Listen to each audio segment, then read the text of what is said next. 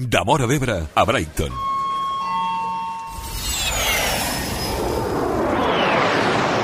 Bruno Saltor, un morenc amb una aventura per explicar. Diumenge 27 d'abril i amb la participació dels oients, programa especial des de Brighton, Anglaterra, amb Bruno Saltor, futbolista professional del Brighton and Hove Albion de la segona divisió anglesa. El jugador ens parlarà de la seva experiència, el seu dia a dia al club i l'actualitat futbolística. Diumenge 27 d'abril a les 8 del vespre, Eduard Pino, en un programa especial des d'Anglaterra amb Bruno Saltor. Aquí, a Ràdio Mora d'Ebre. Cadena Ser. L'esport de ben a prop. Molt bona tarda, benvinguts aquí a Cadena Ser, Ràdio Mora d'Ebre. Comencem quan són ara mateix les 8 d'aquesta tarda de diumenge. Un programa especial, un programa especial on viatjarem directament eh, a Brighton, on tenim a Edu i a Bruno Salto en aquest programa especial, però abans, però, eh, tenim que fer una petita menció d'una eh, de les coses que ens ha passat eh, aquesta setmana, aquest divendres, i voldríem dedicar-li, i crec que merescudament, a Lídia Saura, secretària de la delegació ebrenca de la Federació Catalana de Futbol, aquests eh, programes, tant l'especial d'avui com eh, el que farem aquesta nit després del eh, partit que jugarà el Barça. Li voldríem dedicar eh, de tot cor perquè va perdre el seu fill aquest eh, divendres passat, als 10, eh, als 10 mesos d'edat, i per això mateix voldríem dedicar-li aquests, eh, aquests espais i sobretot també el programa d'aquesta nit. Eh, de tot cor eh, li dediquem i un, eh, una abraçada molt forta i... I molts ànims. Molts ànims. I tant. Eh, una miqueteta comença així, és una patada a l'estómac, no, ningú vol començar així un programa, però crec que era de justícia dedicar-li i més una companya de l'esport. Així que ara sí, és moment de connectar en Edu, que està a Inglaterra. Edu, molt bona tarda. Hola, què tal, companys? Molt bona tarda des de Brighton, des d'Anglaterra. Estem a casa Bruno Saltor. Bruno, què tal? Hola, bona tarda, què tal? Molt bona tarda, com estàs? Bé, molt bé, mira, disfrutat de la companyia. Eh, bona, no?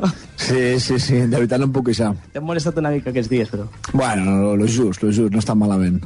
Bé, abans de començar a entrar en matèria, que tenim moltes coses preparades per a Bruno aquesta tarda, una forta abraçada a tots els oients de, de la ràdio, a tots els eh, oients de Ràdio Mora d'Ebre, de la cadena SER i també, com no, en aquesta entrada que, feia Javi, que tenia tota la raó del món, dedicar-li a la Lídia, que a més a més és una autèntica seguidora de dins estadi i que forma part també de tot el que és eh, la gent de dins l'estadi, que és, sens dubte, la gent del futbol de casa nostra, del futbol més proper del futbol de les Terres de l'Ebre i des d'aquí també eh, coneixent a l'Ebre personalment, jo me vaig enterar quan ja estava aquí a Brighton, doncs li vull enviar una forta abraçada per aquesta pèrdua tan important que, que ha tingut en aquests darrers dies. Dit això, tenim moltes coses que parlar amb Bruno Saltó. Bruno, que per cert, t'hem fet com una mena de joc. Ah, Seria sorpresa, seria sorpresa, t'ho dic ara, Ah, però no volia, no volia contar-t'ho perquè bueno, havia de ser una entrevista diferent, perquè amb Bruno Saltó la veritat és que hem tingut el plaer de, de parlar-hi moltes vegades. Hem tingut el plaer de tenir diverses entrevistes amb el, amb el Bruno, eh, a casa, a Mora, a l'Ebre, per telèfon, Correcte. inclús també quan estaves a la teva casa als Pirineus també per telèfon recordo que et van També. entrevistar una vegada per allí Sí, és a dir, sí, que sí. t'hem entrevistat a tots, a tots els llocs possibles menys aquí a Brighton Bueno, pues ja, ja hi sou. és el que faltava per, a, per acabar de completar aquest, aquesta entrevista, aquest seguit d'entrevistes amb, el, amb el Bruno Saltor. La veritat és que Brighton, eh, una vegada vam arribar, no vam arribar directament a Brighton, sinó- que vam arribar a l'aeroport de, de Gatwick, a, al sud de, de Londres, i directament vam agafar un tren que ens va dur direcció a, a Brighton, allí on Bruno Saltor hi viu des de... Bé, aquesta és la seva segona, segona temporada amb el, amb el club del Brighton and Hove Albion, que és així com es diu aquest club, i la veritat és que, bé, només arribar ens vam trobar l'habitual, no? Fred, pluja i vent. Bueno. L'habitual, no? Bruno? bueno, la veritat és que fins que vau arribar vosaltres feia bon temps. Què dius ara? Ja, no- l'heu portat vosaltres amb el temps, però, però no, sí que és veritat que, que bueno, com és típic d'Anglaterra, eh, eh, el clima és, és canviant i és molt diferent al que estem acostumats, però dins de lo que és eh, pues bueno, eh, Anglaterra és dels millors climes que, que hi ha. Bé, doncs, eh, Brighton eh, en si té un total de 155.000 habitants, Sí, no, més, força, més o menys, més o menys, eh? sí i, i cal dir que, que bé, Brighton no és que estigui aïllada, sinó que té diferents eh, poblacions al costat, que si les juntéssim totes arribaríem gairebé a la xifra del mig milió d'habitants. Mm. Són mo poblacions molt, molt, però que molt juntes, no? Sí, sí, bueno, és una, la, el que diríem la zona no? Així, metropolitana, no? Mm -hmm. Però bueno, sí que és una ciutat important dins d'Anglaterra, de, de una ciutat de, de, que hi ha molt de turisme, i sobretot lo, lo característic és que, bueno, que tenim costa i que després que estem a, a, a una hora o algo menys d'una hora de Londres, no? que encara la fa més atractiva. 8 milions de turistes cada any rep Brighton, que déu nhi la xifra, eh? Sí, com te dic, eh, eh, dins d'Anglaterra és, és, diguéssim, la, la zona turística de, de, uh mhm. -huh. d'aquí, on la gent ve molt als estius, sobretot i sobretot els primers dies que vaig estar aquí, que vam estar en un hotel, ens vam donar compte que sobretot el que venen aquí als caps de setmana són les despedides de solters, que és una... Sí, n'hem vist molts també. Una, és una locura, és una locura. Vamos, era... Eh, l'hotel estava a, a tope, no? I, i la gent, pues, ja et dic, des de Londres, des de llocs encara més lluny, pues, venen cap aquí a passar pues, el cap de setmana i, i bueno, la veritat que és una ciutat amb moltíssim ambient, un ambient molt divers i bueno, que, que una ciutat molt atractiva per viure-hi. A més a més, eh, Brighton té un dels, eh, dels molls més, més importants del món, és el, el moll que teniu allà a la platja. Sí, el, el Brighton Pia, que és, bueno, és un dels més coneguts, perquè és com un parc d'atraccions pues, eh, que s'endinsa no? cap, a, cap a dins del mar, i, i bueno, la veritat és que és molt atractiu perquè és, és curiós de, de veure, no? I com bé deia Bruno, Brighton també té platja, però no una platja com coneixem aquí a casa nostra tots, no? No és aquella platja d'arena com podem tenir a, casa, a prop de nostra casa, sinó que és una platja totalment de pedres i amb una aigua totalment diferent, sobretot per la seva temperatura.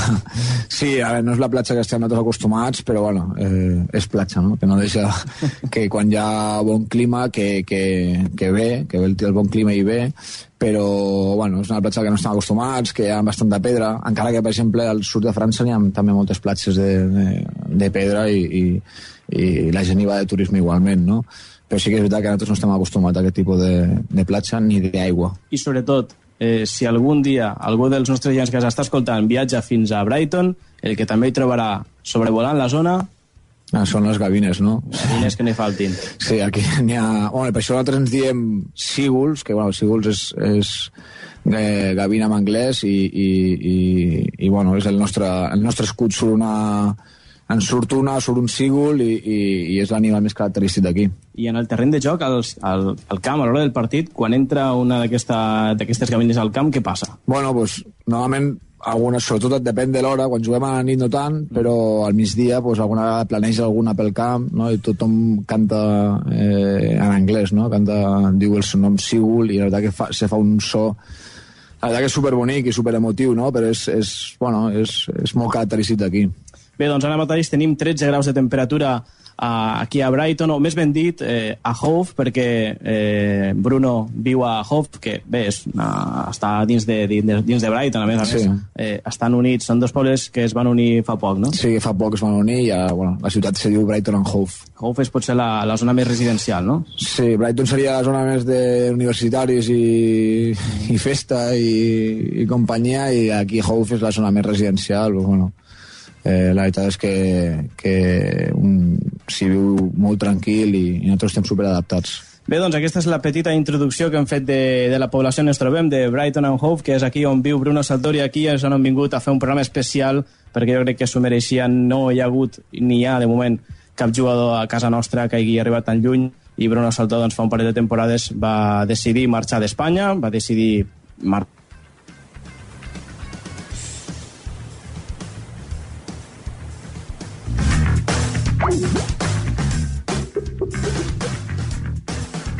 Són les 8 i 25 minuts ara mateix, problemes eh, que tenim per contactar amb eh, Inglaterra via internet. Tot i això tenim eh, Eduard Pino per la línia telefònica. Edu. Hola de nou. Bé, doncs, pro problemes d'internet des, de, des de Ràdio Mora d'Ebre. Aquí a Anglaterra, per sort, l'internet funciona d'altra manera. Sí. Eh, tenim aquesta sort de l'estranger. Aquí a, a la casa, aquí a la ràdio, pues, l'internet net va com va i ens ha jugat aquesta mala passada també és veritat que haguéssim pogut dir, bueno, doncs Bruno, aquesta és la sorpresa que teníem preparada, però no, no era aquesta, no era aquesta, Bruno, la sorpresa. Bé, coses que, coses que passen. Sí, bueno, és el que té el directe, no? Que a vegades pues, pues passa, mira que hem estat provant abans i tot anava bé i, i quan ha començat l'entrevista pues, bueno, ha fallat. Va, no passa res, s'estem aquí, anirem més ràpid. Bé, anirem per telèfon, anirem més ràpid, també sortirà alguna més car, però, però bueno, què, què hi farem? Mentrestant, eh, els nostres companys estan treballant ràpidament per a intentar solucionar el més allà possible la connexió que havíem de tenir per a, per a una vegada fer-ho, doncs, eh, connectar altre cop via, via Skype, que era com ho estàvem fent fins ara. Bé, doncs, eh, dit això, estàvem, ens havíem quedat en que aquest programa, aquest programa està patrocinat per Didacticum, l'Acadèmia d'Anglès per a petits i per a grans a Mora d'Ebre. La poden trobar al carrer Sant Antoni 4749, amb anglès i altres matèries també per a, per a aprendre doncs, la llengua que es parla aquí a Brighton, l'anglès, que la veritat és que us asseguro jo que fa molta falta. Ara, Eh, entendre els natius, això és complicat, eh, Bruno? No, bé, només arribar és complicat. Després, el temps que ja porto jo, per exemple, ja sí que ja, ja s'entén, no? Mm. Però sí que és veritat que l'anglès que ens ensenyen nosaltres allí, amb l'anglès que, ja, que es parla aquí, és totalment diferent i, i necessites eh, pràctica i viatjar per, per, bueno, per aprendre i per entendre aquest accent. Mm. Molt bé, doncs fem una cosa. Fem una cosa perquè no sé si tenim la possibilitat de, de que el meu company m'ho asseguri, Javi, sí. eh, el que tenim preparat per a Bruno és possible que ho puguem escoltar nosaltres? És possible. És possible, sí? sí.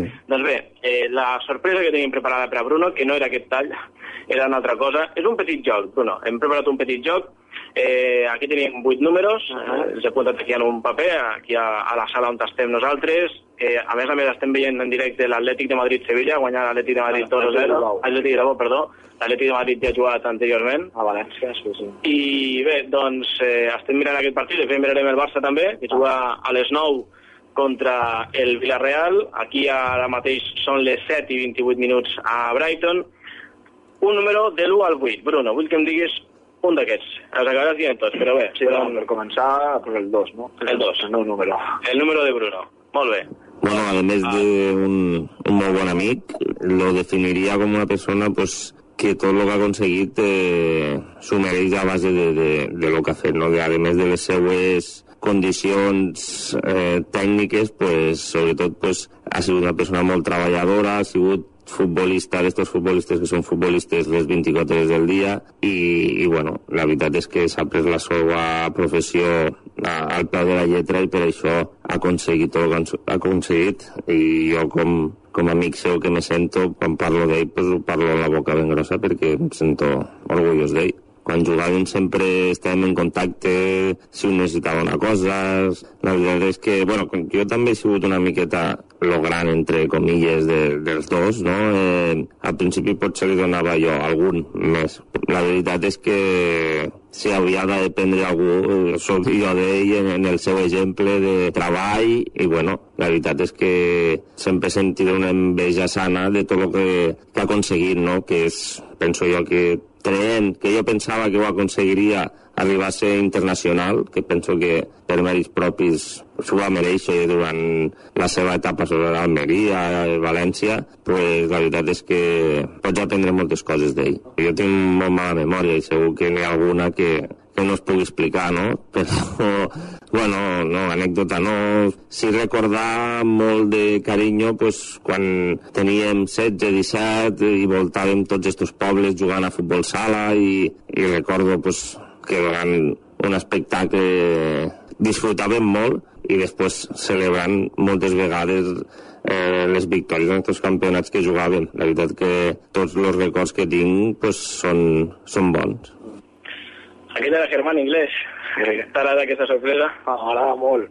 La veritat és que, que, que amb la Germán tinc una gran relació i, i, i diré una cosa que jo a ell he dit i, i, i, i ho continuo i als companys que he anat tenint i això que sempre que parlem de futbol i d'excompanys i d'amics i tot això jo és amb el jugador amb més qualitat que, me, que he jugat o sigui, i he estat a molts equips i he estat a tot arreu i, i amb el jugador que més qualitat li havia sigut sempre ha sigut a Germán, no? I amb lo que... I sí que és veritat, i, i guardo igual de carinyo eh, eh, jugar a futbol sala amb ell era, era una passada, era, disfrutava moltíssim. I a part, sabies que era dels jugadors que pues, quan arribaven els moments difícils, no? tant finals i, i semifinals sempre era el que apareixia, apareixia no? I et dic eh, la veritat que li agraeixo molt no? tot, el que, tot el que ha dit perquè bueno, pues, tenim una molt bona relació i ara no només que hem jugat junts i tal, però, però a nivell personal, doncs, bueno, eh, tenim molt de carinyo i tenim una gran, una gran amistat. Bueno, pues la sorpresa que t'ha agradat, espera't, eh? Espera't, Bruno, perquè te, te n'esperé unes quantes més. Ha començat fort. Bé, a més, que anem una mica malament de temps, perquè ha passat a, hem tingut aquests problemes tècnics, doncs haurem de, de preguntar-te un altre número. L'entrevista d'avui amb Bruno serà diferent, perquè en Bruno, amb les moltes altres entrevistes que hem fet, ja ens ha explicat eh, moltes vegades doncs, eh, per què va fitxar pel València, com li va anar pel València, per l'Almeria, pel Lleida... Realment, la gent que t'està escoltant, a Bruno ja el coneix, ja sap qui és, ja sap més o menys la seva trajectòria, però el que avui sí que volíem saber eh, és una mica també la seva vida a, a Brighton, que això sí que doncs, sempre com una mica a veure com, com viu Bruno per aquí a Inglaterra. Eh, mentrestant, seguim avançant, et preguntaré un altre número, en aquest cas de l'1 al 8, òbviament, el, el, el 2 ja està escollit, eh? El 7, va, sí, el 7. Anem al 7. Bruno per mi és una persona molt treballadora, responsable, és un bon amic, una persona que té les idees bastant clares, és honest. Bueno, no sé, la relació clàssica d'amics del, del poble, que és per sortir, que és per les tardes, per la piscina, als estius, i també una mica de, de relació tenim al, al col·legi. Després ell també ja pront va marxar cap a Lleida a jugar i a partir d'allí ja t'anaves veient molt més de quan en quan. A vegades eh, havíem anat a Lleida a veure el, en algun partit, inclús després a Barcelona on estava júnior en espanyol, a Lleida ja de professional també, Almeria, València, vull dir, ha hagut puestos d'estos també que hi hem anat a passar uns dies a la seva casa perquè ens l'ha oferit sempre. Vull dir, claro, és una persona que és amic i el coneix tota la vida i aquí al poble també la gent no, no la para ni, ni fa fotos en ell, no? però sí que va sobtar, potser va ser a Almeria la primera vegada que estant uns dies a casa, una tarda vam sortir a prendre alguna cosa, i sobta com la gent, saps, lo coneix, li demanen autògrafo, se vol fer una foto amb ell, i tu, que és allà al costat, hòstia, este tio, saps, és, important aquí a Almeria, no? Allí va ser la primera vegada que vaig, lo vaig veure així com a famosillo, no? per la gent d'allí on jugava. També, per exemple, és un fill gran i meu, fan el cumpleaños el mateix dia, sempre és un dia que, que parles perquè et felicites mútuament als crios i ja te dona també per a, per a parlar una mica. Gràcies, Santi. Sí, bueno, pues, la veritat és que amb Santi tenim una gran relació, tant Santi com amb la, amb la Judit amb la família, i, i, i sempre que anem a Mora, sempre que o quedem per sopar, pugem a casa, sobretot, saps? Perquè jo quan vaig, a, quan vaig a, quan vinc a Mora, és que tinc nostàlgia no? de casa amb meus pares i m'agrada molt estar allí tranquil·lament i, i, i pues, bueno, els amics també ho entenen i el Santi i la Judit pues, eh, pugen molt i com ha dit amb el Guillem, amb son fill amb el Pol eh, eh, comparteixen l'aniversari el mateix dia i tenim una gran relació i me'n recordo, bueno, el Santi hem jugat també moltíssim a futbol sala, ell feia de, de porter i la veritat és que ho feia, ho feia increïble, era un, era un porteràs. Tenia un problema, un problema de vegades a... necessitava una sotana, perquè sobre per sota les cames era tot... però més li colaven, els polvos que li colaven eh, era, era per sota les cames, la veritat és que sí que és que ell vinculat molt al bàsquet, però de porter de futbol sala, la veritat que era, era, era un, un seguro, no? I la veritat que tinc una, gran, una grandíssima relació amb ell, i pues, bueno, pues, tant amb Germán com amb Santi són aquelles relacions que ara a la distància eh, no et deixen portar-la de com t'agradaria portar-la. Sé que quan, pues, bueno, pues, quan el meu futbol s'acabi, sé que són relacions no que es recomana, que les tornem a agafar perquè hi són, però que milloraran i que podrem passar més temps junts. Bé, i abans d'anar a la publicitat, et demano l'altre número. Eh, el 5. El 5. Bruno és una persona molt responsable, sempre ha actuat com a germà gran, va marxar molt aviat de casa, hem tingut sempre una molt bona relació, sempre que he tingut algun problema he pogut confiar en ell. És una persona que sempre diu les coses molt clares, a vegades no de sentir-les tan clares, però és el que fa un germà, suposo. És una persona molt constant, s'ha esforçat molt, ho ha aconseguit el que ha volgut gràcies a la seva constància, de caràcter té un caràcter fort, però és una persona divertida, amable, té les coses molt clares i això l'ha ajudat, pues, com sempre ha estat fora de casa, pues, a tirar endavant i a tindre uns amics, pocs amics, que ell sempre ho diu, que els amics se poden comptar en els dits de la mà, però que estos són els realment bons. Nosaltres sempre que hem pogut, pues, sempre hem anat on estan ells, hem estat a València, Almeria, ara a Londres, sempre aprofitem i anem a passar les vacances a, a casa d'ells pues, esportivament podríem dir que un dia vam anar uns amics d'aquí Mora i la família tots a, a Madrid, al camp del Bernabéu, i les entrades nos havia tret l'Álvaro Negredo. I Bruno nos va dir, estireu amb gent del Madrid. I quan vam arribar al Bernabéu estàvem on estaven tots els ultra del Madrid. I un senyor que estava allà nos va advertir que estàvem als ultra i que amaguéssim la pancarta que portàvem i anàvem tots en samarretes de l'Almeria i al final van guanyar el Madrid 1 a 0 i com va anar tan just pues, nos van fer treure samarretes i amagar tot perquè si no haguéssim acabat malament. Ho van passar realment tots bastant malament perquè la gent nos mirava fatal. Més familiars seria, jo estudiava a Barcelona, estava a l'institut i quan vam sortir de l'institut estava nevant. I Bruno també vivia a Barcelona i justament aquell dia era un dia que la Raquel, la seva dona, que llavors era la seva nòvia, anava a dormir al seu pis. Bueno, estaven junts al pis i jo vaig trucar a Bruno per si podia anar a dormir allà i clar, em vaig presentar i així va ser com la vaig conèixer abans que tothom. La Mariona, la germana de, de Bruno, que bé, ens explicava aquesta anècdota molt bona per ser la de l'Álvaro Negredo, que ens va situar amb els ultras del, del Real Madrid, parlava una mica sobre tu, i també aquesta casualitat que va ser la primera en conèixer sí. la, la Raquel, no? la, teva, la teva dona actual. Sí, sí bueno, la veritat que va ser un dia a Barcelona que poques vegades neva o, o, i sí. va nevar i li vaig dir que vingués cap a casa perquè no, ella no podia marxar perquè havia de marxar en tren, els trens estaven tallats i just estava Raquel a casa que ella havia de marxar a casa seva però tampoc podia marxar perquè, perquè els tres no funcionaven i vam estar els tres a casa i, i la veritat que va ser la primera en conèixer no? i bueno pues, m'endavant que la veritat que m'he emocionat una mica no? com a, com a, com a no sé, tot, tot el que, sí, tot el que m'ha com, com definit, no? Mm -hmm.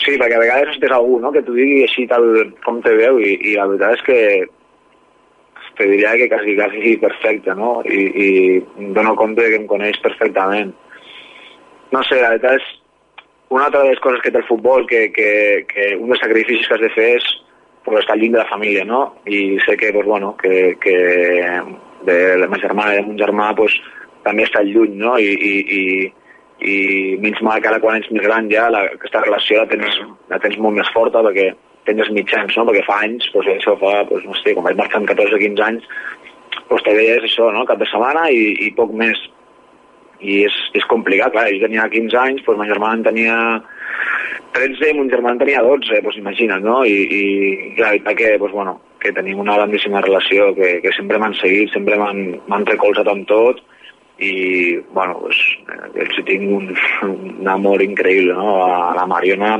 i a l'Ignasi, que és el seu, seu home, i, i a la Carlota, que és la meva fillola, i la veritat és que, que li agraeixo molt no? tot, el que, tot el que ha dit, perquè crec que reflexa bastant, bastant com, com sóc jo. Bé, doncs tenim més números, tenim òbviament més gent que està esperant també la seva per a, per a veure com defineix a, a Bruno i què ens pot explicar de, de Bruno Saltor, avui protagonista d'aquest programa especial que estem realitzant des de Brighton. Anem a la publicitat ràpidament. Recordin aquest programa que està patrocinat per Didacticum, que ha fet possible que ens puguem desplaçar aquí a, a Anglaterra per a fer-li aquest programa especial a Bruno Saltor. Anem a la publicitat. No sé si els meus companys podran ja recuperar el servei, hauran pogut solucionar aquests problemes totalment aliens a nosaltres per a poder restablir la connexió via eh, Skype com fem fins ara. Així que, Javi, torna a la connexió, anem a la publicitat, tornem de seguida quan ara mateix són les 7 i 40 minuts a Brighton. Dins l'estadi. Amb Eduard Pino. Eduard Pino. Xavi Salvador, Xavi Salvador, Genís Pena Genís Pena i Judit Bru. Alleugerir i fins i tot guarir el dolor és el nostre objectiu diari. Millori la seva qualitat de vida amb Centre Físicos, Centre del Dolor. Tractem tots els dolors, físics, musculars, interns. Som especialistes en osteopatia, acupuntura, trigger point i làser. Si té dolor, posi el seu problema en bones mans. Centre Físicos, Centre del Dolor. Al passeig Sant Antoni 20 de Mora d'Ebre. Telèfon 977 40 24 89 o 619 790 480. Des de Ràdio Mora d'Ebre, Cadena Ser, t'acompanyem dia a dia. T'apropem a l'actualitat de les nostres comarques. Parlem amb els protagonistes del territori de tot allò que més t'interessa. Per què no fas tu el mateix amb la teva empresa? A Ràdio Mora d'Ebre t'assegurem que amb el teu anunci arribis a qui tu vulguis. Anuncia't a Ràdio Mora d'Ebre, Cadena Ser, l'emissora que més s'escolta a la Ribera d'Ebre, la Terra Alta i el Priorat, perquè hi ha coses que tan sols les aconsegueix la ràdio. Al restaurant poliesportiu de Mora d'Ebre tenim unes ofertes anticrisi a mida per tu. Per esmorzar, cafè amb llet o suc de fruita, més mig entrepà, només 2 euros amb 75. I el nostre menú anticrisi amb 3 plats de primer i 3 de segon a escollir, més postre i beguda, només 6 euros. I si vols un plat combinat més beguda, només 5 euros amb 50. Oferta vàlida de dilluns a divendres menys festius i d'una del migdia a 4 de la tarda. Restaurant poliesportiu Mora d'Ebre. Telèfon 977 40 27 83. How are you? Però què dius? Res, que estic practicant anglès amb Didacticum. Oh. Didàcticum, anglès per infants i adults. També sessions de conversa. Informa't de dilluns a divendres, de 6 a 8 de la tarda, al carrer Sant Antoni 47 49 de Mora d'Ebre. Didàcticum. En anglès també t'oferim un bon aprenentatge. De Mora d'Ebre a Brighton.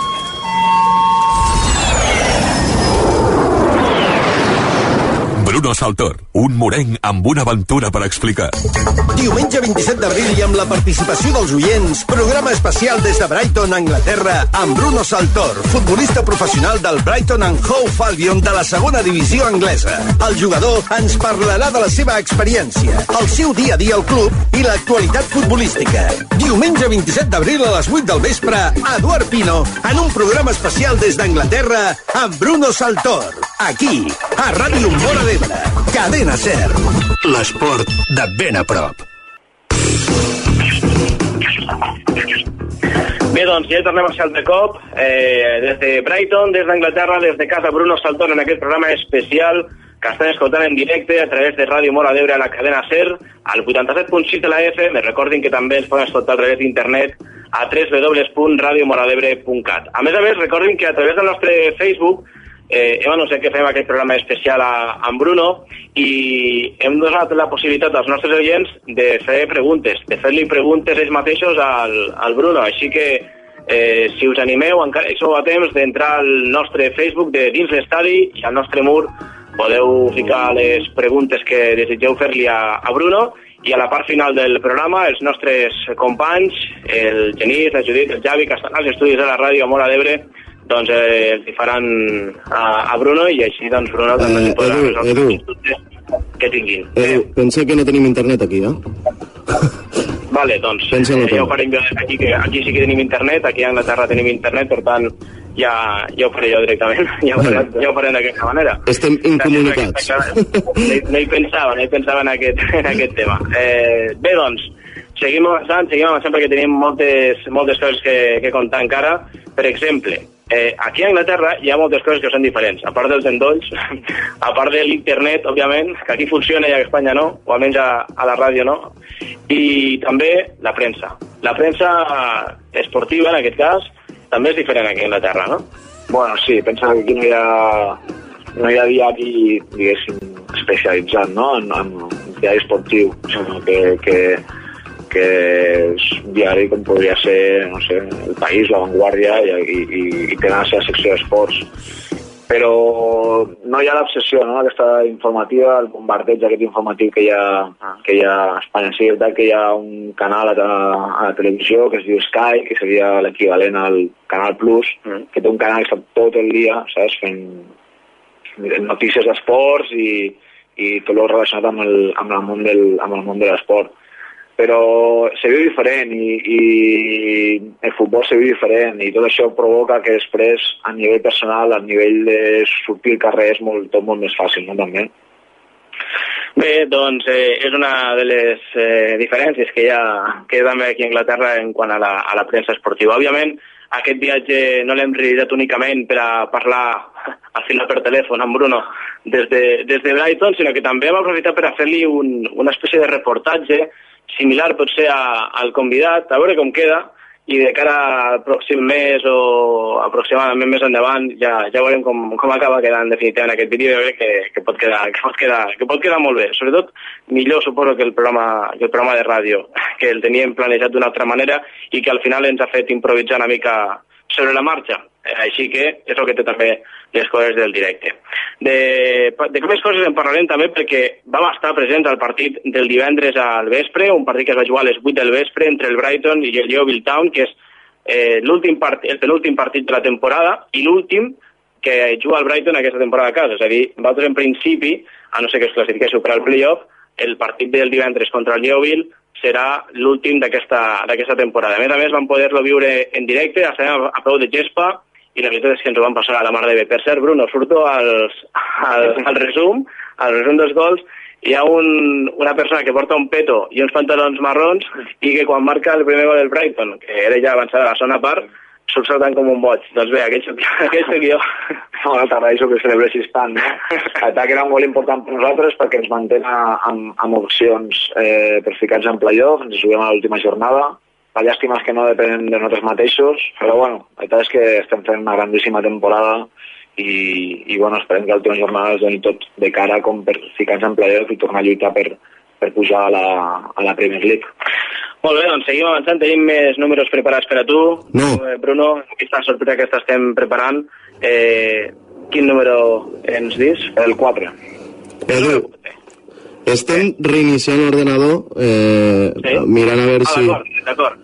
Molt bé, perfecte. Doncs mentre el Javi està reiniciant l'ordenador per a veure si soluciona aquests problemes, parlem de més coses perquè, per exemple, eh, ho teníem eh, comentant, ho veníem comentant fins ara, el partit del Brighton Yeovil, que el Brighton està intentant a veure si es classifica per als play-offs d'ascens, uns play-offs que el Brighton l'any passat ja els va disputar i va quedar eliminat a, a les semifinals contra el Crystal Palace, que al final va acabar pujant a la Premier.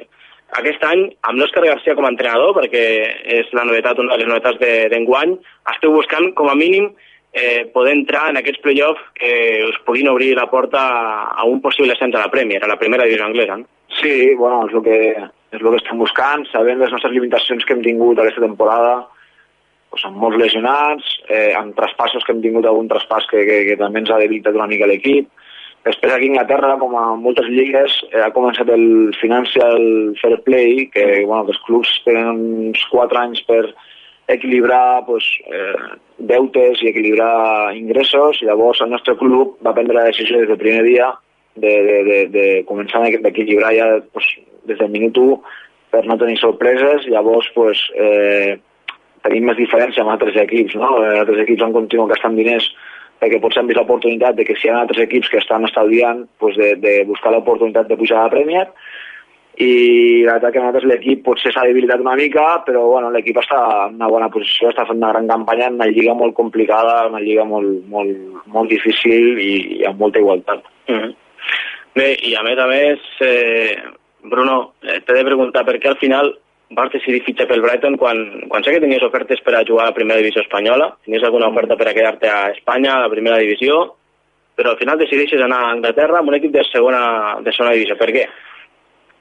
És, a veure, és complicat no? d'explicar, de, de, o, bueno, hi ha molts, molts, molts punts que, que, que, que, que, que em donaven el, el feeling, no és el feeling del moment que sentia jo, que volia, volia aquesta experiència, però bueno, molts, un d'ells seria pues, bueno, que jo sempre he tingut la, la il·lusió de jugar a l'estranger i, i especialment a Anglaterra. Anglaterra és un lloc molt difícil d'entrar, és, no, és, no és fàcil venir, venir a jugar aquí perquè pues, que ells són molt, molt seus, els agrada molt el mercat anglès i, i, i costa molt venir a, a, a jugar aquí, llavors m'ha sortit l'oportunitat aquesta, eh, que Gustavo, em va, Gustavo Poret em va trucar, que era l'entrenador que estava aquí abans, i, i em va donar molta confiança, Després també hi ha, perquè no dir-ho, és un tema també eh, econòmic. A Espanya els contractes avui en dia, tant a primera divisió, eh, són molt diferents. Pensa que aquí a segona divisió estem parlant que potser la meitat d'equips o els, els 6-7 primers paguen igual o més que la mitja de, de, de, de 8 o 9 equips d'Espanya pues perquè aquí els diners es reparteixen diferent eh, eh, i els equips tenen més pressupost no? que, que els d'Espanya.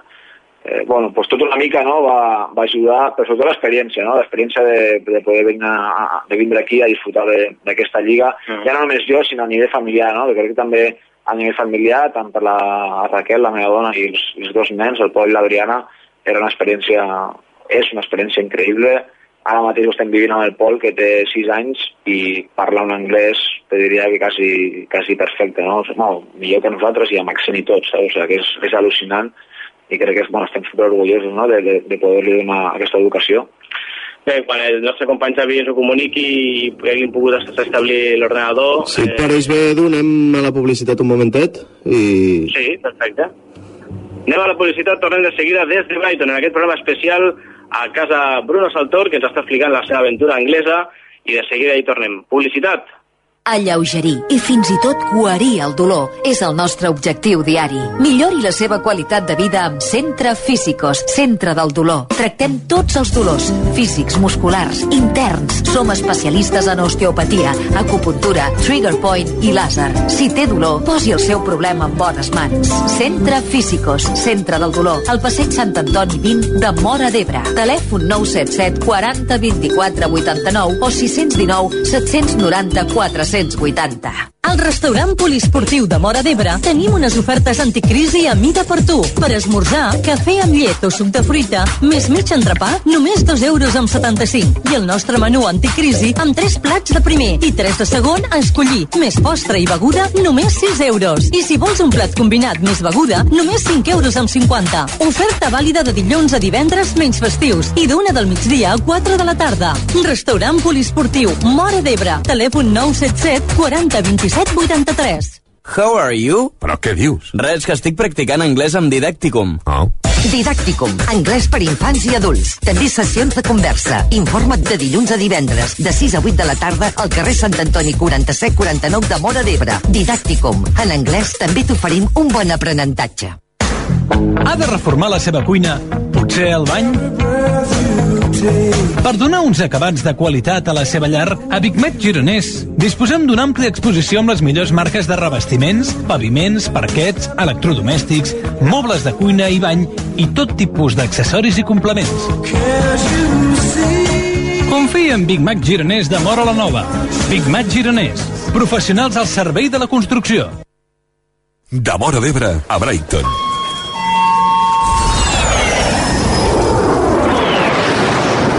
Bruno Saltor, un morenc amb una aventura per explicar. Diumenge 27 d'abril i amb la participació dels oients, programa especial des de Brighton, Anglaterra, amb Bruno Saltor, futbolista professional del Brighton and Hove Albion de la segona divisió anglesa. El jugador ens parlarà de la seva experiència, el seu dia a dia al club i l'actualitat futbolística. Diumenge 27 d'abril a les 8 del vespre, Eduard Pino, en un programa especial des d'Anglaterra amb Bruno Saltor. Aquí, a Ràdio Mora d'Ebre. Cadena Ser. L'esport de ben a prop.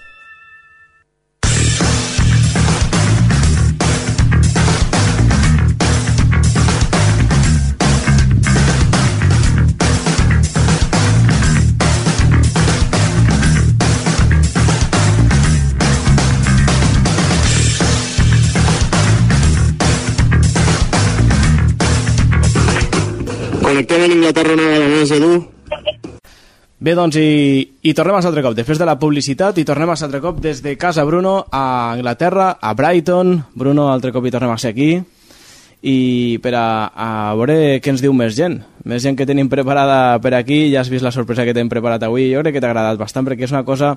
eh, El fet de, de viure tan lluny de casa, sentir sempre la gent més pròxima que has tingut, la gent que més estimes, sempre, sempre dona il·lusió, no? Sí, està clar, no?, que, que gent especial parli de tu i, i, de moment parli que parlin bé sempre és de és d'agrair i fa molta il·lusió, la veritat. Mm. Bé, doncs, eh, dis-me un altre número. Pues el 3, anem pel 3. El 3? Sí. Vinga, doncs escoltem a veure què ens diu el número 3. Bé, el Bruno ha, ha sigut un noi mm, fàcil, un nano sense problemes. Sí que també és veritat que el Bruno va marxar de casa en 15 anys. Vull dir que llavors els problemes poden començar doncs, amb l'adolescència un pèl més grans, és com pots tindre xocs amb els teus fills, no? amb si surts o no surts, però esclar, com que ja no ho van viure això, als 15 anys que ell va estar a casa, doncs, de veritat que jo sempre dic Bruno, i, no dit per mi, dit per entrenadors, és tot el jugador que, entren, que un entrenador voldria tindre al seu equip perquè és cohesionador i, i no dona problemes. I jo sempre dic que és tot el fill que una mare voldria tindre no? perquè de veritat que ha sigut un xaval que no ens ha portat mai cap problema i, i ens ha dut moltes alegries. Alegries amb el sentit de veure eh, fet realitat el somni no, de la seva vida. La definició de Bruno és que és una persona bona. Eh, segons la Mariona et diria però quan s'enfada té molt de gènit és veritat. Però del tarannà és un tio amable, afable, mm, és generós i, i una cosa que a mi m'emociona d'ell és, és un tio alegre no? i amb la mirada amb, amb la mirada et parla no? Hi ha una cosa que jo sempre l'explico per explicar també el tarannà del Bruno d'ara, que és un nano pues, que amb la professió que ha tingut ha guanyat molts diners, però els ha sapigut conservar, no? Vull dir que n'hi ha que els han despilferrat. I llavors explico sempre que quan vam vindre nosaltres a Quimora, on vivim, hi ha, bueno, era un camp d'ametllers, i, i sortien el Manel amb el Bruno, la Mariona i l'Albert a, a collir les ametlles. I bueno, llavors el Manel els hi donava un tant i era la, la paga que tenia. Llavors esclar si sortien a la nit o així allò s'ho era el que tenien. I va, i un dia d'aquests el Manel li dona els diners, a la nit hi havia el compleanys del Germán i van anar a sopar tots al poli total que el sopar li va costar el que el Manel li havia donat per collir les ametlles la setmana següent no sé de qui era el compleanys i jo li dic que no vas a sopar diu no, aniré al cafè diu, per què? Si m'haig de gastar tots els quartos que he fet collint les ametlles per anar a sopar a mama, soparé a casa, aniré a fer el cafè, perquè no es poden gastar els quartos així com així. Vull dir que ell els hi hem intentat fer valorar no, els diners perquè és una d'aquelles coses que no saps si, si el que tu els hi pots donar quan siguin grans podran mantindre el ritme amb la qual sempre els hi has d'anar menys que més. I això és una cosa que sempre m'ha fet gràcia. Quan li vaig dir no vas a sopar? Diu no, dic home dic, ja t'ho donaré jo. No mama, ja ho pagaré jo però aniré al cafè. És dir que el tio és estalviador Bueno, la veritat és que... Ets estalviador. Sí, home, ho intento, no? Sí que és veritat que, que, que quan vas pujant de nivell de vida, que, pues, bueno, mm. per, per, per sort, com les coses m'han anat bastant bé i, i, i hem anat pujant de categoria, pues, eh, vas guanyant més diners.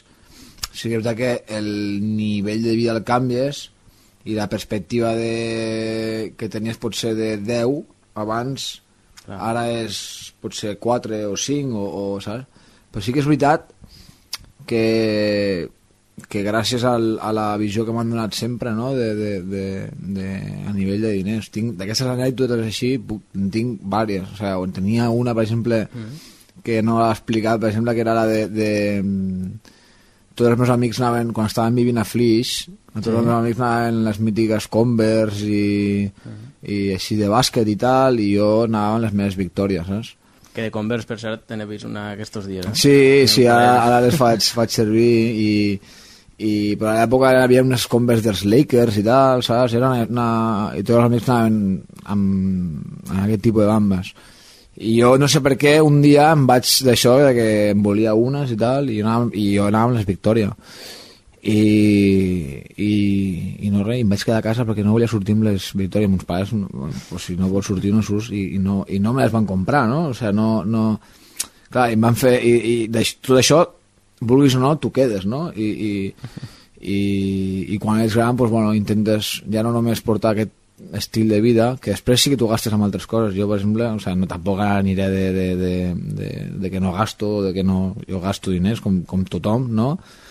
Però intento ser coherent intento ser coherent no? I, i, i intento, pues això te dic, ja no només per mi, sinó pels, pels meus fills també, saps? Sempre s'ha dit, no?, que els futbolistes viuen com una mena de, de bombolla aïllada de, del món. Sí, home, pensa una cosa, que que tu ets futbolista, t'entra un, un forat de diners, saps? Que dius, pues, mira, el forat és així, un forat així, i entren diners, entren diners, entren diners. Te retires i no és que el forat se faci més petit, és que el forat desapareix, mm. saps?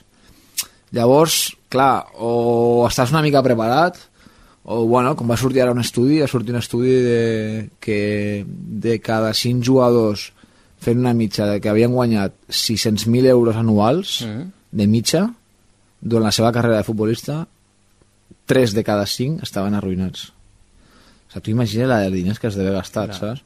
Però perquè inconscientment clar, això una persona normal, de peu, dirà, és que és impossible però inconscientment tu el teu nivell de vida puja, saps? i el que tu abans te semblava X, te semblava quina barbaritat, quan estan guanyant aquests diners és una cosa normal gastar-ho, no? Llavors és complicat i per això si jo com he tingut la sort de que m'han ensenyat uh -huh. aquesta, aquesta escala aquesta, de, de valorar-ho pues no té ningú mèrit no? que jo hagi vegi les coses com les veig o sea, el que té mèrit és que a casa el que no ho ha pogut veure saps?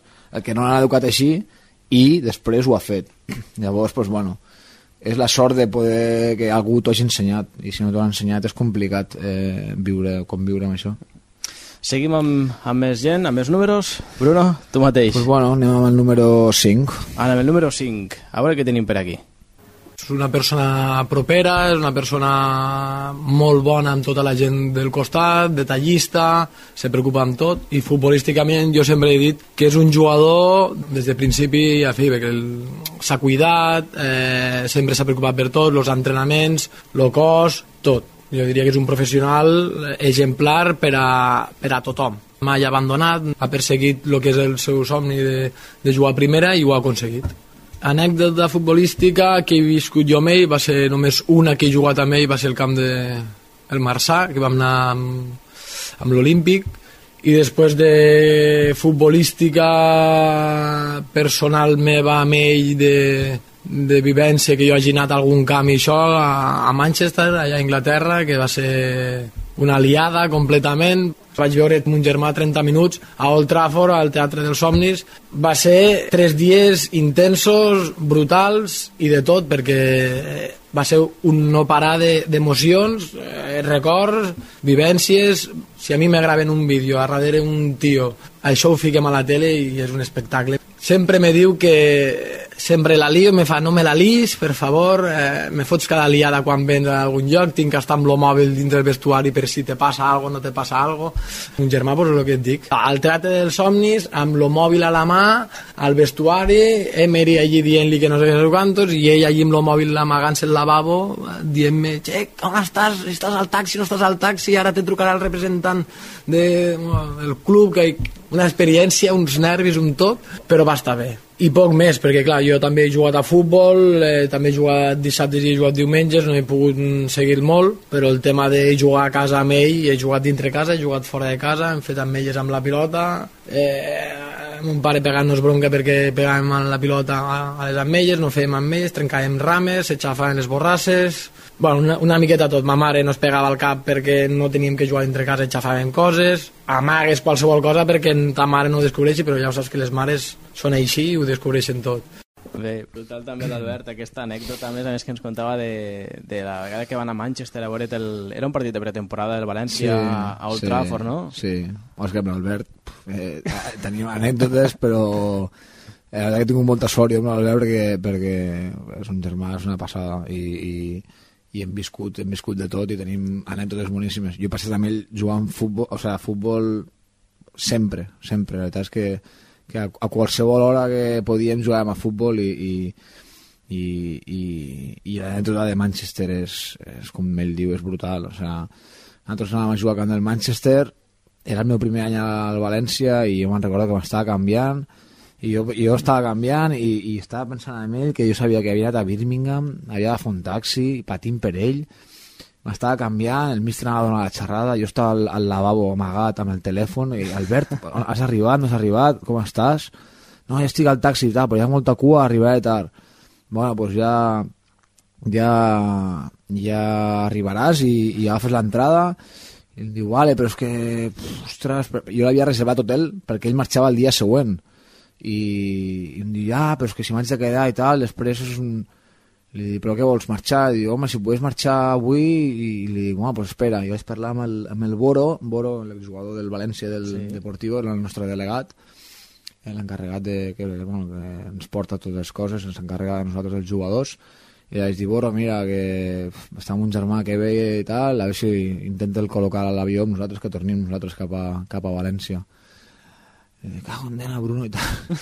Vinga, va, vale, vale, vale. Centra't en el partit i ja, saps, pues sortia a calentar, sortir a calentar, vaig, vaig tornar i mentre abans allò que et canvies només la samarreta, no? Ja que, que ja vas a sortir al camp, clar, que era un partit especial també, saps? Eh, eh, pues una altra vegada truca, Albert, que sí, que m'ha dit que sí, que no hi ha ningú problema, que quan arribis preguntis tal, no sé què, eh, dona'm el DNI, m'has de donar el DNI per ficar-ho a la llista, clar, del, de l'avió i un germà deia que si torno amb vosaltres que me dona igual, eh, que vaig a, l'ala si ets anar lligat a l'ala, vaig a l'ala, saps?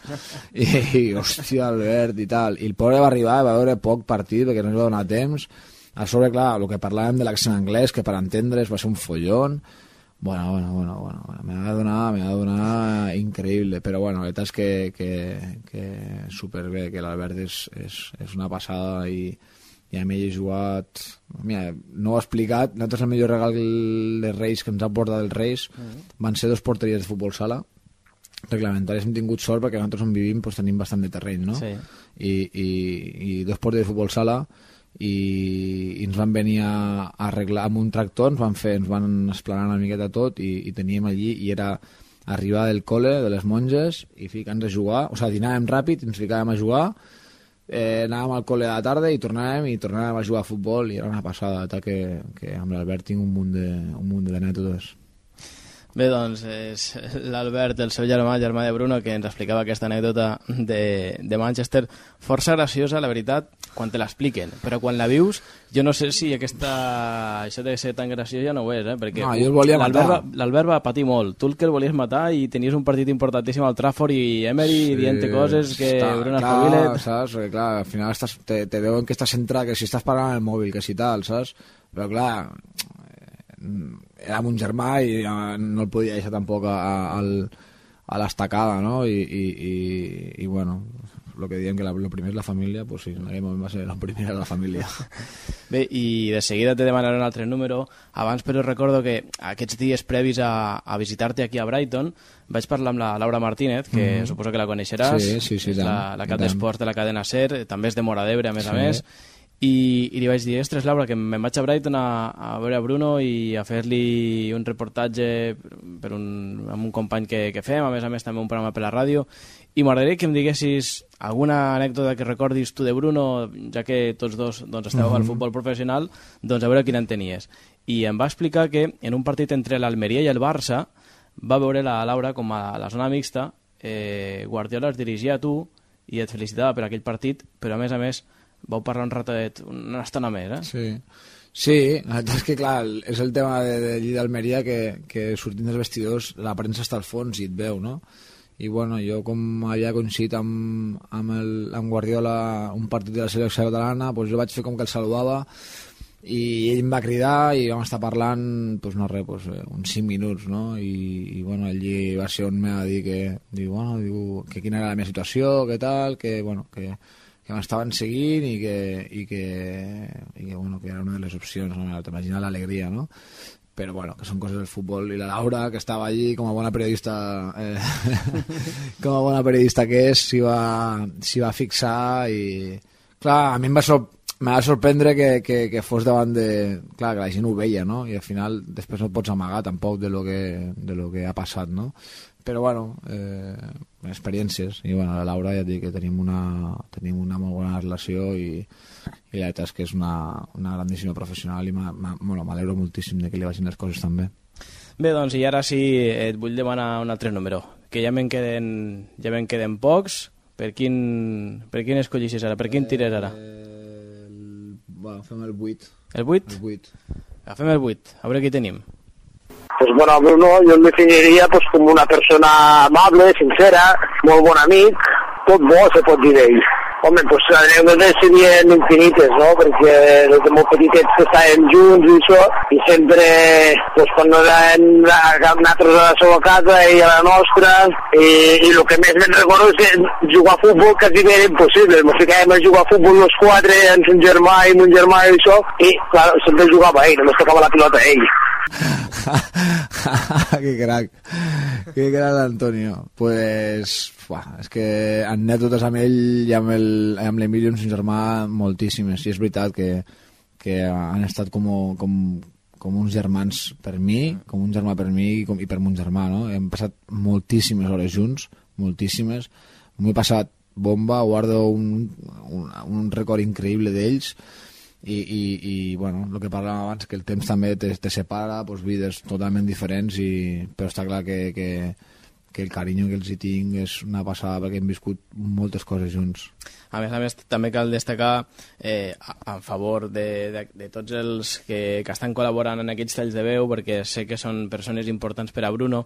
Òbviament, els estem resumint en pocs segons, inclús alguns en pocs minuts. Eh, no va ser així, sinó que a la vegada que vaig parlar amb ells per telèfon, perquè bé, la, el tema d'Antonio per, te, per motius laborals no, no estava per aquí, inclús en la teva família, altres amics Ja. que, que estan parlant, eh, no era qüestió de dos minuts, ni molt menys, sinó que No. m'explicaven bastanta estona més el que va ser, clar, el temps és el que tenim i, i s'ha d'anar tallant, no?, i destacant el, el, més, el més destacat. I si et sembla, escoltem a l'Antonio, escoltem a l'altre germà, a l'Emilio. Perfecte.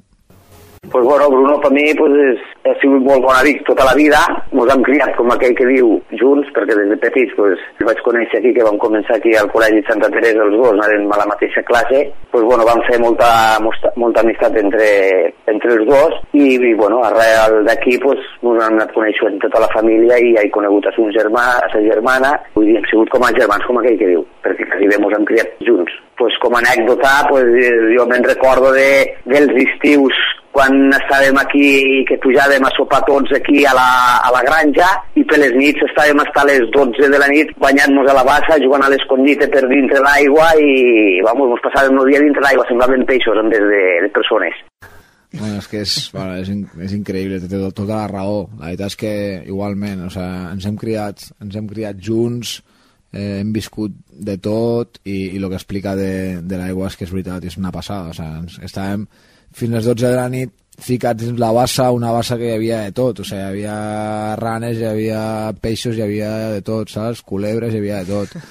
Eh, eh, eh, I nosaltres estàvem allí dins jugant a l'escondite i bueno, la veritat és que un munt d'experiències allí, a la, allí de la casa seva eh, i a la granja hem viscut de, de tot i ens ha passat de tot i la veritat és que, que va ser una, una època que, que, bueno, que la vam viure increïble i la vam disfrutar tant amb ells amb, com amb els seus pares Bé, doncs, eh, som més protagonistes, encara ens en queden alguns més, Bruno. És a dir, que ens en queden encara un parell, un parell de persones més importants a la teva vida, així que ves pensant. Mentrestant nosaltres anem a la publicitat, tornem de seguida des de Brighton, programa especial, des de casa Bruno Saltor. Ràdio Mora d'Ebre, 87.6 FM. How are you? Però què dius? Res, que estic practicant anglès amb Didacticum. Oh. Didàcticum, anglès per infants i adults. També sessions de conversa. Informa't de dilluns a divendres, de 6 a 8 de la tarda, al carrer Sant Antoni 4749 de Mora d'Ebre. Didàcticum. En anglès també t'oferim un bon aprenentatge.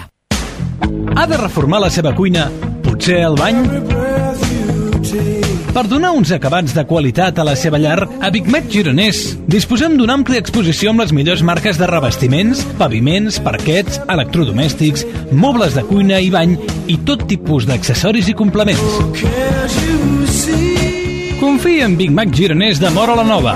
Big Mac Gironès, professionals al servei de la construcció. Alleugerir i fins i tot guarir el dolor és el nostre objectiu diari. Millori la seva qualitat de vida amb Centre Físicos, Centre del Dolor. Tractem tots els dolors, físics, musculars, interns. Som especialistes en osteopatia, acupuntura, trigger point i làser. Si té dolor, posi el seu problema en bones mans. Centre Físicos, Centre del Dolor, al passeig Sant Antoni 20 de Mora d'Ebre. Telèfon 977 40 24 89 o 619 790 480. Al restaurant poliesportiu de Mora d'Ebre tenim unes ofertes anticrisi a mida per tu. Per esmorzar, cafè amb llet o suc de fruita, més mig entrepà, només 2 euros amb 75. I el nostre menú anticrisi amb 3 plats de primer i 3 de segon a escollir, més postre i beguda, només 6 euros. I si vols un plat combinat més beguda, només 5 euros amb 50. Oferta vàlida de dilluns a divendres menys festius i d'una del migdia a 4 de la tarda.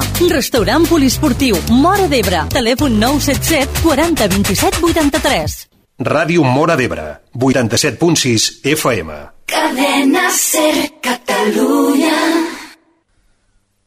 Bé, doncs ja hi tornem a ser altre cop per final ja del nostre programa especial des de Brighton amb Bruno Saltor.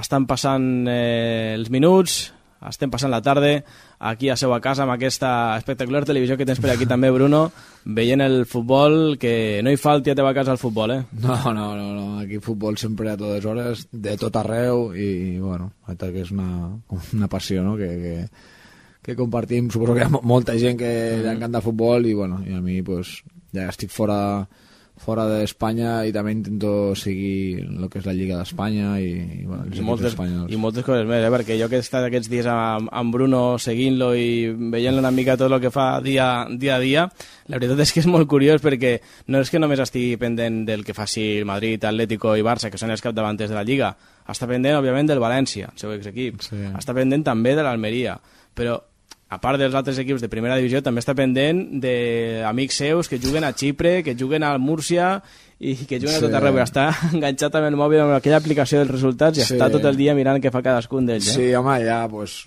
entre que t'agrada el futbol i vols seguir l'actualitat i que tens amics a tot arreu i, i, i, i els vas seguint i si han jugat i si han marcat, no han marcat i, i bueno, la veritat és que ho disfruto moltíssim. Bé, doncs, eh, et demano un altre número, el penúltim ja. Pues el 6. El 6.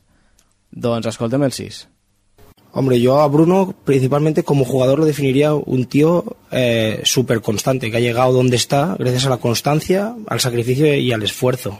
Pues lo definiría como un buen amigo y a pesar de lo que ha conseguido, que es mucho, sigue siendo un tío súper humilde. O sea que cuando quedas con él, ves que es el mismo. Que pase lo que pase y esté donde esté, sigue siendo el chaval aquel con el que de cadete metíamos los goles juntos. Un buen amigo y, un tío súper humilde. Como anécdota, recuerdo una vez que hubo unas temporadas que el Olympic no nos dejaba jugar a fútbol sala con el colegio y viceversa. Y hubo una o dos veces que llegábamos al partido y nos prohibieron jugar. Y Bruno hubo una de esas veces, lo recuerdo, eh, llorar como una magdalena, pobre, porque él quería jugar en los dos equipos. Luego más adelante, la temporada que más recuerdo fue una de cadete, cuando yo era cadete de segundo y él de primero, que ahí es cuando ya realmente mantuvimos más relación, porque él vivía un poco más a las afueras del pueblo, entonces jugábamos los sábados y para poder salir de fiesta, los dos que salíamos, pues él se quedaba a dormir en mi casa. Eh, yo te podría decir como anécdota, aquí ahora donde lo ves, topelón que está, el tío era un tío así, siempre ha sido guapete y trifador, pero era conocido por su flequillo. Tenía un flequillito así, un pelo rubio, y el tío era muy famosete por ese flequillo, que es- tengo fotos y tengo pruebas donde lo podría demostrar tranquilamente.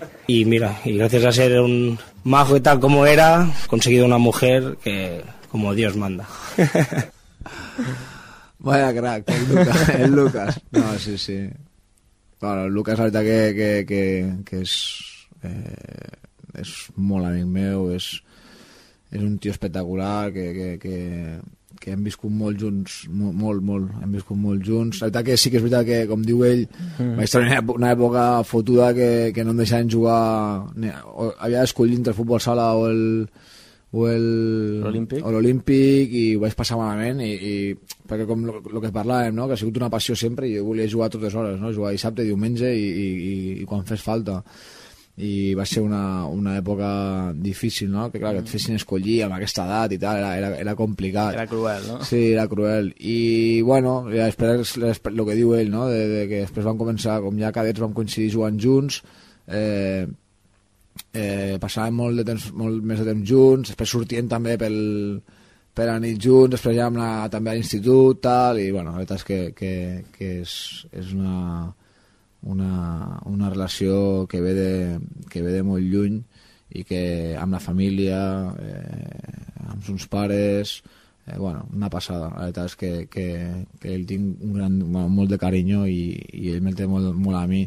I, i el que ha dit, pues, bueno, sí que és veritat que també ho intento, no? El que diu de, de, jo sempre m'he considerat eh, una persona normal i me considero, ¿no? O sea, mm. bueno, pues he tingut la sort de poder dedicar-me al futbol i però això no, no, no m'ha donat la sensació de que per això hagi de ser especial o hagi de ser diferent a, a resta i sempre que, que vaig a Mora m'encanta estar amb ells, parlar i tal i recordar eh, batalles, no? la típica. Mm. Quan recordes batalles ja vol dir que t'estàs fent gran, no? I, i així ho fem i, i també pues, intentar sempre que es pugui pues, pues, sortir també a aprendre alguna cosa, no? perquè així és, és la forma més distesa de poder estar i, i bueno, la veritat és que li agraeixo també les paraules que ha tingut. I lo del flequillo? Ah, això és veritat, és veritat, és veritat. El flequillo el vaig començar a fer a, quan vaig arribar a Flix i, i, i després ja vaig enamorar i la veritat és que era ja no me'n recordo, tinc alguna foto alguna foto que sí que, que quan ho he vist i el flequillo era, era imponent, o sigui, era gran i jo que era així més petit i tal devia ser una mica potser desproporcionat i la gent sí que és veritat que, que, que se fixava bastant però jo crec que mira, ara ho penso així també era personalitat, no? Però no, no, no mai me va afectar potser que et diguessin alguna cosa o tal i, i si gràcies a fer que jo he aconseguit la dona que tinc, doncs mira, ben, benvingut, benvingut està. Que estic en Lucas, eh? Que, que és veritat, que la Raquel, jo no... O sigui, a Bruno sí que el coneixíem una mica més, a la Raquel alguna vegada havíem coincidit a, a Mora d'Ebre, un, uh -huh. l'any passat quan vam fer l'entrevista a teva casa, però tractar-la com l'he tractat aquests dies a Brighton, la veritat és que hem descobert a la, a la Raquel i uf, la veritat és que ah, és impressionant. Passada, és una passada, sí, sí. és una passada. A part de, de, que, de que és guapíssima. Sí, a part d'això. a part de que és guapíssima, és, és, un, és un tros de pa i és una sí, sí, persona increïble, és una persona increïble. Bé, doncs, i, i ja per acabar, no et pregunto el número, falta el número 1. El número 1, a veure qui és. M'ho puc imaginar sí. perquè seria el que falta, no? Però a veure, a veure qui és. I pot ser també, des del teu punt de vista, el número 1, de veritat? Bueno, està clar que eh, no pots... Eh, aquí estimes més, no? A ton pare o ta mare, i no pots, no pots escollir, però bueno, pues, sí que és veritat que a nivell, suposo que serà un pare, a nivell de futbol també és el que, amb el que més pares, no? I més, i més eh, com vius. Bé, doncs així és, és sí, el teu no? pare, Veus, és el Manel. No, no, no, no fallo. Jo crec que Bruno, si algú té, és, sempre ha sigut un bon xaval, molt familiar, i sempre abans dels partits, després dels partits, quan viatja, sempre truques. Llavors això s'agraeix molt. Després, que és un home molt treballador, és molt exigent. A vegades hem tingut, doncs, jo recordo, quan era petit, doncs, que em preguntava que no te'n poses aquest partit. I sa mare sempre deia, tu un 10, fill meu, com correspon a la mare, no? Eh, en canvi, deia, home, avui un 6 i en sa mare, és que sempre negatiu. I ell, evidentment, sabia, més o menys, anàvem pel mateix estil. La veritat és que això també m'ha permès tenir molta relació amb el, amb el Bruno, no? Ell veu també, se'n dona compte de l'esforç que tu fas millor aixecant a les 8 del matí, millor dinant a les 5 de la tarda, i això jo crec que ell ho ha valorat molt. Ell ha passat moments dolents, i aquests moments és els moments en has de dir-li, vinga, va, que això no sé què, no has jugat gaire, o no has jugat massa bé, però bueno, això té alts i baixos i té tal, i l'entrenador ja demostra-li que pot comptar amb tu i tal, i quan està de tot, no? que tothom diu, hòstia, Bruno, quin partidàs has fet? Has fet dos gols, has fet no sé què, tal, quin partidàs, fantàstic, però doncs en aquell moment dir-li, escolta, recorda'm que algun dia la vas passar a canutes, que vas fallar no sé què i que no vas jugar tan bé. Però a mi també m'agrada, i a vegades li dic amb ell que ell té una certa funció, diguem, social, no? en, el, en, en el moment que ell, pel seu treball i per les seves condicions i una mica per tot, ha aconseguit triomfar tens una obligació amb la gent del teu voltant, amb els nanos d'aquí Mora, de la comarca, eh, una mica de dir, escolta'm, tu, que estàs aquí, però pots triomfar. Llavors l'anècdota aquesta doncs et diria, home, doncs va venir a fitxar el, el juvenil de l'Espanyol, i aquell any, amb el juvenil A de l'Espanyol, que era tercer any de juvenil, doncs va passar èpoques dolentes, èpoques en què no jugava el que ell creia que tenia que jugar, que a vegades eh, s'emportava alguna bronca que potser no es mereixia. Jo recordo un dia pues, que va fer, no sé, l'Espanyol va guanyar 2 a 1 i ell va fer el de la victòria faltant no massa, no? I ell estava emocionat, exultant, animat, eh, content. I el dilluns el, el Rafa Monfort, l'entrenador que va tenir, li va pagar una bronca. No, no hi entès mai aquella, aquella bronca, ens va trucar Bruno, estava com a, quasi plorant i en aquell moment hi vaig pensar que millor es podria plantejar inclús deixar el futbol o, o, o avorrir-se del futbol, saps? I ell va ser capaç de dir jo haig d'arribar, jo vull arribar i, bueno, doncs ha arribat on ha arribat. Els consells del pare, eh? Resumits en molt pocs, eh, en dos minuts, perquè la veritat és que me'n va dir molts més, des d'aquí, disculpa el Manel, però és que clar, al final Ja, el ti- el ho hem de- timing, ho el hem d'intentar resumir Sí, sí, en sí. poc, no?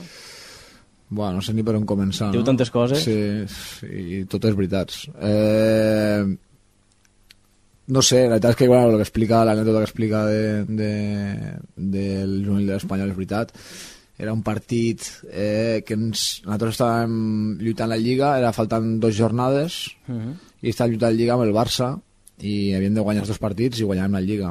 I, i anàvem empatats en minut 85 o 80 i pico, vaig marcar, vaig marcar el 2 a 1 i clar, imagina la- l'alegria, no? L'alegria de, de, de que, bueno, pues un gol que era superimportant per aconseguir, per aconseguir el campionat a falta de- d'un partit i, i bueno, la veritat és que, que a l'arribar el dilluns al, a l'entreno, l'entrenador que com ja havia sigut la tònica en general i tal, eh, hòstia, m'ha creat una bronca i, i que si que no em creiés que per haver marcat el gol, tal, bueno, saps? Una, una, una, història eh, va ser molt... me va sobtar molt, no? Després d'un any difícil, que aconseguissis una cosa així i tal, saps? Que era un moment d'alegria no només per mi, sinó per l'equip, no? Perquè, Sí. era, perquè era, estava una victòria de guanyar la Lliga contra un Barça que era un equipàs, saps? I, i clar, jo em va sobtar moltíssim i vaig passar un, un mal rato, no? I sí que és veritat, pues, bueno, que és el que deia mon pare, pues, bueno, pues, allí tens dos camins, no? El de, el de dir, pues, ho deixo i que estic cansat de tanta pressió, de tant tal, o el de continuar, i vaig optar pel de continuar. Tu vas replantejar, però tu vas plantejar el fet de dir me'n torno cap a casa... Ara, ara no sabria dir-t'ho. O sigui, no me'n ser el recordo moment aquell, no? Eh, no, ara no me'n recordaria dir-te, hòstia, què faig? Me'n vaig i tal. Jo crec que no, perquè ja havia arribat fins a aquell moment que era final de Lliga i, i, i, i, i jo no crec que en aquell moment m'ho replantegés perquè ja havia passat molt, no? I no... I no... Però bueno, ja et dic que, que, que de tot s'aprèn, no? I d'allò vaig aprendre.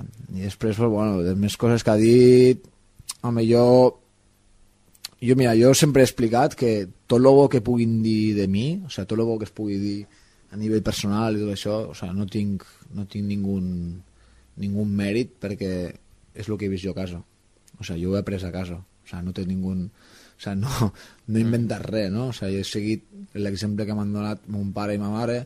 Està clar que potser el pare sempre és el que més tal, però bueno, ma mare igual, saps? O sigui, són dues persones per mi són les dues persones que més admiro en, en, aquest, en aquest món o sea, i, i mon pare pues, bueno, eh, el tema que deia el tema de la funció social eh, a ell, o sea, el que no conegui pues, ja sap com és o sea, el que no conegui pues, podrà, no, no sabrà tot el que ha fet o tot el que està fent però és una persona que, que, que es volca pels demés i, i, i clar, jo això ho he vist i no té ningú mèrit que jo, saps? Sempre que he pogut m'he dedicat a, a, ajudar pues, a, a, a tota la gent que hagi pogut, no? De, de, de, de, de, ja no només eh, dins del meu nivell futbolístic o tot el que pugui arribar a ajudar a, a la gent, sinó pues, bueno, amb obres socials o amb tot el que faci falta. No?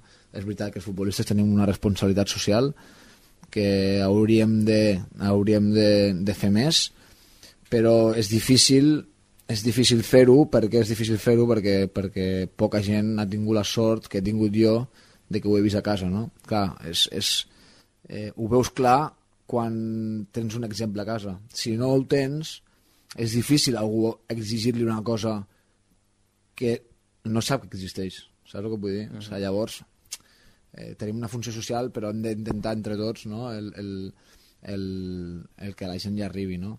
I ja no sé què més ha dit, perquè ha dit moltes, ha dit moltes coses, però bueno, la veritat és que... Però que te posava les notes i que sempre Sí, intentava pues- fer-te baixar dels núvols quan Sí, podies...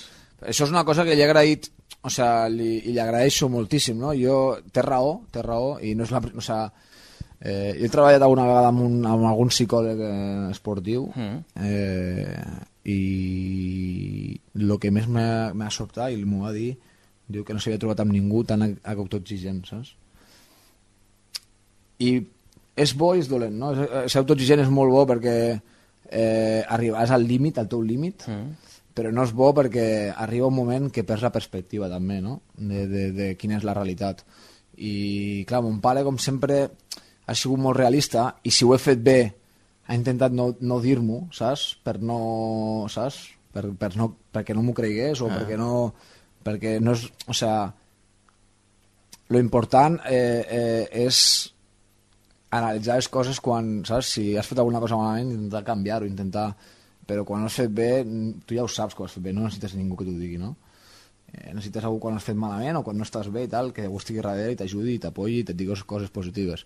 I amb això ells sempre han estat. Ma mare, perquè les mares són diferents, no? I les mares, per mon pare sempre això ha sigut més, més, més objectiu i, i entre els dos s'han combinat molt bé i han fet que jo, saps, tingués aquest punt de vista eh, eh, tan objectiu que tinc sobre, sobre, sobre la meva forma de treballar o la meva Mm. forma de, de ser. Molt bé, doncs aquests són els protagonistes que, que t'he portat fins a Brighton. Una petita part dels que t'he dels que t'he portat cap aquí a Brighton, perquè, bé, la veritat és que, no sé, suposo que Bruno t'hauran fet moltes entrevistes, i jo, la veritat, ja que veníem aquí a Brighton, volia fer una cosa diferent. Sí, sí, ho has aconseguit, ho has aconseguit, ho I crec que això no s'havia fet mai, per tant, crec que missió complida. I eh? tant, de, de, de, vamos, però, però de sobres, la veritat és que estic super agraït a, a, a, a tu pel treball que, que has fet eh, amb el teu equip i tot i agraït a tota la gent que ha dedicat un temps no? eh, eh, a, a parlar de mi i especialment a parlar, a parlar eh, també no? la veritat és que, que quan un sent aquest tipus de, de, de coses jo crec que dorms molt millor, no? Avui dormiràs bé, sí, Bruno. avui dormiré bé, avui dormiré bé. Dorms molt millor i molt més tranquil i, i, i bueno, i, i és el que he dit sempre, no? Que, que en la vida jo l'únic que he buscat, el meu objectiu, Mm. o sigui, primordial, a part de, que, de jugar a futbol i tot això, sí. ha sigut ser feliç, no? I ser feliç, intentar ser feliç sempre. Ho has que és el, aconseguit. meu, és el meu objectiu. Sí, ho he aconseguit i, I ho estàs- i, i, ho eh? estic, i el problema és que cada dia s'ha d'aconseguir, no? Bendito I- problema, eh? I, sí, bendito Si problema. Sí, però és, no és tan fàcil, o sigui, no és tan fàcil. Al final, i intentar ser feliç i tenint gent així al costat, la veritat que tot és molt més, molt més fàcil. Bé, i ja per anar acabant, tenim alguns eh, comentaris que ens arriben a través del Facebook. Per exemple, el Lucas, el teu amic Lucas, eh, ens en feia un, ¿no? que diu així, eh, yo tengo una pregunta, ¿recuerdas con cariño tu época como jugador del Olympic? ¿Algún momento en especial? Un abrazo fuerte Bruno y cuida esas piernas que nos estamos haciendo mayores. Jeje, No. eh, acabo con el jeje este. Té tota la raó, ens estem fent grans i, i, i bueno, la veritat és que records de l'Olímpic amb carinyo en tinc molts i, i molts d'ells amb, amb ell, no? I, I com he dit abans, tinc grans records de quan ell vivia a, com als catalanes, que m'havia quedat algun dia a dormir a casa seva per, per, per, per anar al partit o per, o per eh, com deia, per anar a prendre alguna cosa i tal, i ja estava allí amb, amb uns pares també, sa germana, i la veritat és que, que, que tinc un gran carinyo de l'Olímpic i de moments de viure amb ell. El Marc Gisbert, per exemple, ens, ens diu puja a fer unes birres després del programa quan, quan estigueu per aquí, per London, que ell, el Marc està per, per Londres, ens, bé. ens invita a, veure, a fer unes, unes cerveses per allí. El Jacob Apaseit, pregunta-li si tardarà molt a baixar, suposo que refereix a Mora, que tenim que fer un sopar com Déu mana, a veure si veiem al Xúlez, si fa falta, un abraço per a ell, Eh, Bueno, el, Jacob. el Jacob també un Sí. conegut del Bruno, eh? Sí, gran un, amic. Un altre amic també. Eh, pues mira, pues anava amics i, i, i la veritat és supercontent i el que diu ell, i espero baixar a, aviat o bueno, encara una mica tardar una miqueta que voldrà dir que encara estem que ens hem ficat al playoff i ojalà puguem fer aquest sopar i lo del xulet és un amic que tenim en comú que, que és d'Almeria. Allà hauríem de fer quilòmetres per baixar a veure'l I el Juan Navarro, que et pregunta, Bruno, si et va costar adaptar-te al futbol anglès.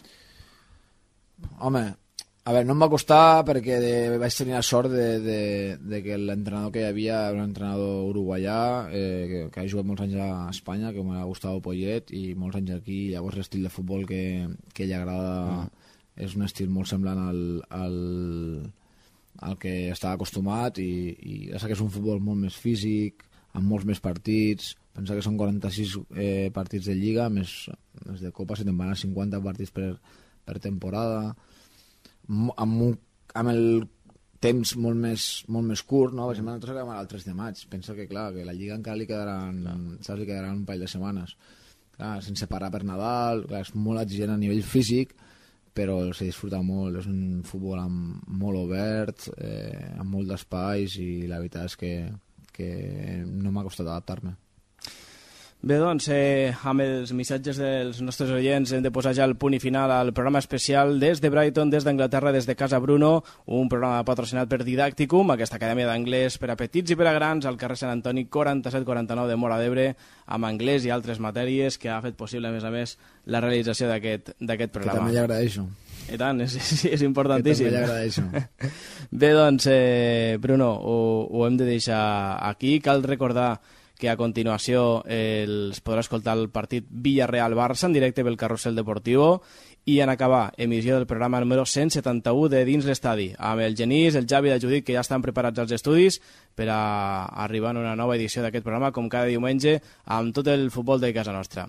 Nosaltres ho hem de deixar aquí, Bruno, que la veritat que ha estat un autèntic plaer que no només hem estat una, una estona amb Bruno per a parlar i per a fer el programa aquest, que no, que nosaltres vam arribar divendres, que marxem demà dilluns sí, sí. i que durant tots aquests dies hem estat bastantes hores molestant, molestant a Bruno no, i, no, i fent-lo no. anar a dormir tard. No, no, no, Però que, que moltíssimes gràcies tant a tu, com a la Raquel, com als nens, al Pol i l'Adriana, que també s'han portat molt, molt bé, bé durant tots aquests dies i que moltíssima sort Bruno en, aquesta, en aquests últims eh, dies que es queden d'aquesta temporada sí. al, al Brighton esperem que encara us quedi una mica més, esperem que us pugueu classificar. Esperem. I siguis on siguis la temporada que ve, que moltíssima sort i continua pues, triomfant. Primer de tot, moltes gràcies a vosaltres per venir, per, per, fer, per poder fer programa des d'aquí i, i, i apropar-me a la gent del, del meu poble. Eh, i després que ha estat un plaer el, el tenir-vos aquí el, he pogut també pues, disfrutar de, de, de vosaltres, la vostra companyia i bueno, sí que m'he anat a dormir més tard de lo normal, però val la pena. Ha, val la pena. Ha, ha valgut la pena, ha valgut la pena. Bruno, moltíssimes gràcies, que vagi bé. Gràcies a vosaltres. Senyors i senyors, ho deixem aquí. Gràcies també per la seva companyia per estar al nostre costat, tot i que a molts quilòmetres de distància. I res més. Gràcies, bona nit.